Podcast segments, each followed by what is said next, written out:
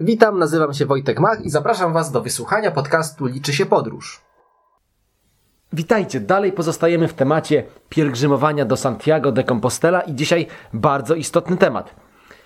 Ogólnie rzecz biorąc, mniej więcej jedną trzecią życia poświęcamy na to, że śpimy. Nie inaczej jest na pielgrzymce. Na pielgrzymce także gdzieś trzeba spać i jakoś trzeba te sprawy noclegów rozwiązać. I dzisiaj właśnie opowiem Wam, jak wyglądają noclegi, jak wygląda spanie na szlaku do Santiago de Compostela. Zapraszam. Zacznę od tego, że na początku warto zadać sobie bardzo, bardzo ważne pytanie. Mianowicie, czy brać ze sobą namiot? Większość pielgrzymów na to pytanie odpowiada nie, branie namiotu jest bez sensu. I oczywiście, chodzenie z namiotem ma swoje wady i zalety. Najpierw wady. Dlaczego większość ludzi, bo zdecydowana większość pielgrzymów nie chodzi z namiotem, dlaczego większość pielgrzymów nie bierze ze sobą namiotu?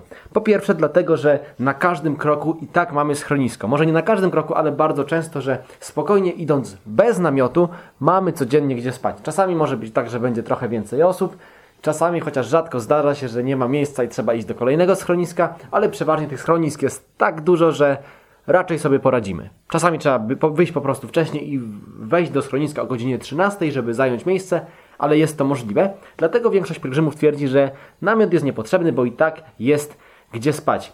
Ale drugi, druga, bardziej poważna wada jest taka, że taki namiot, jak ze sobą weźmiemy, to trzeba go po prostu nosić na plecach, no bo Taki namiot waży z 2-3 kg, nasz ważył tak mniej więcej, nie wiem, między 2 a 3 kg. Do tego doliczmy sobie karimatę, która jest lekka, ale jak tak nazbieramy sobie wszystkiego, to plecak robi się coraz cięższy. Jeżeli śpimy pod namiotem, to czasem fajnie coś sobie zjeść na ciepło, dlatego często bierzemy wtedy też jakąś małą kuchenkę turystyczną, która też jest leciutka, ale jak te wszystkie leciutkie rzeczy zbierzemy ze sobą razem, no to trochę już ważą, no i cały plecak robi się cięższy.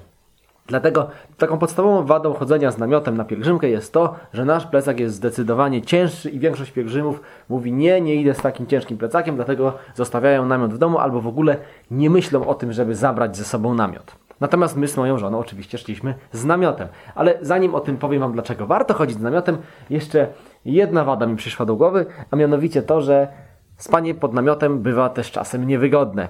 No niestety, w środku nie mamy pięknego, wygodnego materaca albo łóżka. Śpimy często na cieniutkiej karimacie. Czasami pod nami są jakieś nierówności, kamienie, bolą nas plecy. W środku czasami jest chłodno. Jak pada deszcz i mamy słaby namiot, to namiot potrafi nam przemoknąć. A nawet jak nie przemoknie i wychodzimy na deszcz z takiego mokrego namiotu, no to i tak wszystko mamy mokre, bo to trzeba przecież wyjść na zewnątrz, złożyć namiot, spakować rzeczy. To i tak się zamoczymy, jest nam zimno, mokro. No, czyli to są jakieś tam wady spania pod namiotem. No ale i dlaczego przyszło nam do głowy, żeby iść na pielgrzymkę z namiotem, chociaż powiedziałem Wam o tych trzech takich poważnych wadach? Jest kilka powodów, dla których warto mieć ze sobą namiot. Bardzo mała ilość pielgrzymów chodzi z namiotem, myślę, że około 10%, ale zdarzają się. I dlaczego to robią i dlaczego my to zrobiliśmy, o tym zaraz Wam powiem. Po pierwsze, taki powód, który od razu się rzuca w oczy, to jest to, że spanie pod namiotem bardzo często jest po prostu za darmo. Dzięki temu możemy zaoszczędzić sobie trochę pieniędzy, bo schroniska, o tym zaraz Wam też powiem, ale schroniska generalnie są dość tanie. Płacimy 5 euro, czasami troszkę więcej. No ale jak sobie to przemnożymy przez, nie wiem, 30 dni czy 20 dni, zależy ile idziemy, to już się nam robi ta suma pieniędzy troszkę większa i dla niektórych osób jest to jakiś sposób oszczędności. Ale dużo ważniejszą sprawą dla nas było to, że spanie w namiocie daje pewną taką elastyczność. Bo na przykład chcemy, idziemy sobie jakimś szlakiem i nagle zobaczyliśmy piękne wybrzeże. I pomyśleliśmy, fajnie byłoby zjeść sobie tutaj kolację, zostać na noc i mm, rano dopiero ruszyć dalej. I gdy jest, chcemy spać w schronisku, no nie mamy takiej możliwości, bo tam nie ma schroniska na przykład. A jak idziemy z namiotem, po prostu stawiamy namiot, wchodzimy do środka, śpimy sobie, rano się budzimy, oglądamy wschód słońca, czy to, co, co tam chcemy sobie robić. I nie jesteśmy zależni od tego, gdzie jest rozstawione schronisko. Możemy sobie sami wybrać miejsce, gdzie będziemy spać Jednego dnia możemy czuć się bardzo zmęczeni, nie chce nam się iść, to po 10 kilometrach możemy rozbić namiot i iść spać. A jakbyśmy nie mieli namiotu, to trzeba iść do momentu, aż się pojawi schronisko. Kolejna rzecz jest taka, że jeżeli na przykład idziemy w sezonie, jest bardzo dużo ludzi, wchodzimy do schroniska i okazuje się, że wszystkie łóżka są zajęte. No jeżeli nie mamy namiotu, to jedyną opcją wtedy jest ruszanie dalej do kolejnego schroniska, a może się zdarzyć, że kolejne schronisko jest na przykład za 10 lub 15 kilometrów. Czasem jest w tej samej miejscowości, gdzieś obok. Czasami jest dużo droższe schronisko. Na przykład mamy schronisko za 5 euro, które bardzo szybko się zapełnia, a kolejne obok jest za 20 euro. Są już tam pustki, no ale trzeba zapłacić 20 euro za nocleg. I znowu, my mając namiot ze sobą, byliśmy od takich sytuacji po prostu niezależni, nie chcieliśmy spać na noclegu, nie podobał nam się nocleg, na przykład bo schronisko było załóżmy brudne, to mogliśmy pójść po prostu w jakieś miejsce, rozbić namiot i tam sobie spać. I to też była ogromna zaleta. Kolejną rzeczą jest to, że nie musieliśmy się śpieszyć. No bo kiedy nie mamy za sobą namiotu i chcemy mieć pewność, że będziemy mieli miejsce w schronisku, no to lepiej wyjść rano o tej 6 godzinie, iść w miarę szybko, żeby tak na 14 być powiedzmy i załatwić sobie, już zarezerwować miejsce w schronisku. Natomiast jak idziemy sobie, jak w naszym przypadku z namiotem, no to możemy sobie spokojnie wstać na przykład o godzinie 8 iść sobie powolutku, później zrobić dużą przerwę jak szlaki są zupełnie puste, możemy sobie na przykład o 15, jak już słońce zachodzi, albo o 17 iść sobie dalej naszym szlakiem aż do godziny 20 i nie przejmować się, że nie będzie dla nas miejsca. Jak będzie miejsce, to w porządku. Jak nie będzie miejsca, śpimy po prostu w namiocie i też jest w porządku. I pamiętam też taką jedną sytuację, gdzie spaliśmy akurat w schronisku i w tym schronisku było może tak z 20 osób, albo może nawet więcej i tylko dwie łazienki. To sobie wyobraźcie, jakie były rano ogromne kolejki. Wszyscy pielgrzymi wstali mniej więcej o tej 6 godzinie i pobiegli do łazienki, żeby każdy w kolejce się ustawił, stali w tych kolejkach i tak długo im to zajęło, a my sobie spokojnie spaliśmy do 8. Wszyscy pielgrzymi wyszli, my spokojnie się wstaliśmy, przeciągnęliśmy i dopiero mogliśmy pójść do łazienki i sobie tam przed dziewiątą wyszliśmy, bo nie mieliśmy potrzeby, żeby się jakoś bardziej śpieszyć ponieważ mieliśmy zagwarantowane, że nawet jak w schronisku nie będzie miejsca, to będziemy mogli spać w namiocie. A to, że ważyło troszkę więcej, że taki namiot ważył trochę więcej, no cóż, no coś za coś, prawda? My się zgodziliśmy na taki ciężar, jakby zaakceptowaliśmy to, że będziemy troszkę więcej nosić, szczególnie ja będę więcej nosić, bo to ja nosiłem namiot, no ale dzięki temu mieliśmy tą elastyczność. Co do niewygody, że w namiocie jest niewygodnie, my jesteśmy przyzwyczajeni, dość często spaliśmy w namiocie i czasami szczerze mówiąc, lepiej nam się spało w namiocie, gdzie nawet było troszkę niewygodnie, niż w schronisku, gdzie w jednej sali było 60 osób, z czego połowa, czyli 30 osób chrapało. A w namiocie raczej nikt nie chrapał, chyba że ja chrapałem, ale ja tego wtedy nie słyszałem. Trzeba byłoby zapytać mojej żony, czy jej to przeszkadzało. Ale tak podsumowując, Trzeba na początku zdecydować. Nie dla każdego jest spanie w namiocie i to jest jasne. I na pielgrzymce jest właśnie, mi się najbardziej na pielgrzymce do Santiago de Compostela podobało to, że sami decydujemy tak naprawdę o wszystkim. Chcesz wziąć namiot, bierzesz namiot i go dźwigasz na plecach, ale masz gdzie spać zawsze. Nie chcesz brać namiotu, masz lżejszy plecak, no ale trzeba się liczyć z tym, że czasem trzeba się śpieszyć albo nie będzie idealnego miejsca w schronisku, może ktoś Cię na podłodze ułoży. Też się tak czasem zdarzało. Wszystko zależy od Was, jak sobie to zaplanujecie. Tak z moich obserwacji wynika, że zdecydowana większość pielgrzymów chodziła jednak bez namiotów. Jak mówiłem wcześniej, może około 10% pielgrzymów tylko zabierało ze sobą namiot. Jeżeli nie mamy ze sobą namiotu, albo po prostu znudziło nam się spanie w namiocie i chcemy zażyć odrobiny luksusu, idziemy wtedy spać do schroniska dla pielgrzymów, czyli tak zwanego albergue. I ja dzisiaj opowiem Wam o dwóch rodzajach schronic, jakie mogą nas czekać na takiej pielgrzymce. To pokażę pewien taki ogólny obraz. Po pierwsze, schroniska prywatne, schroniska, które są często donativo. I my mieliśmy okazję w takich kilku schroniskach spać.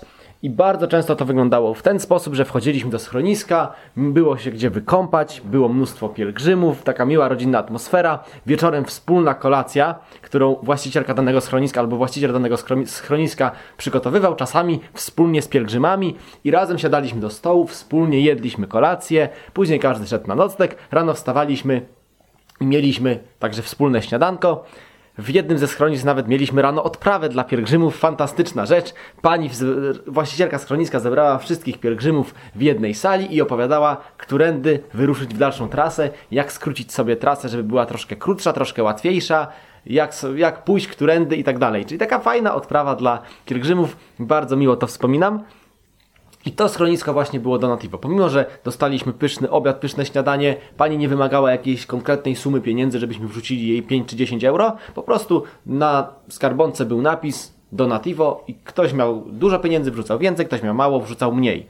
Oczywiście w dobrym takim guście jest wrzucenie troszkę więcej niż w standardowym schronisku, czyli trochę więcej niż te symboliczne 5-6 euro.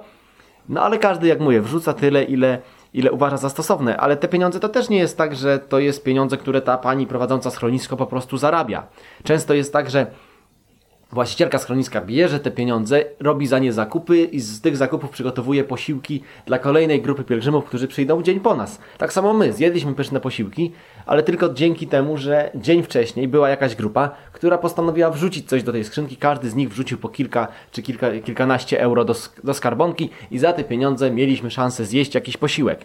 I to jest ba bardzo fajna tradycja pokazuje to, że tak naprawdę pielgrzymi dbają o siebie i ka każda grupa zapewnia kolejnej grupie jakieś pożywienie.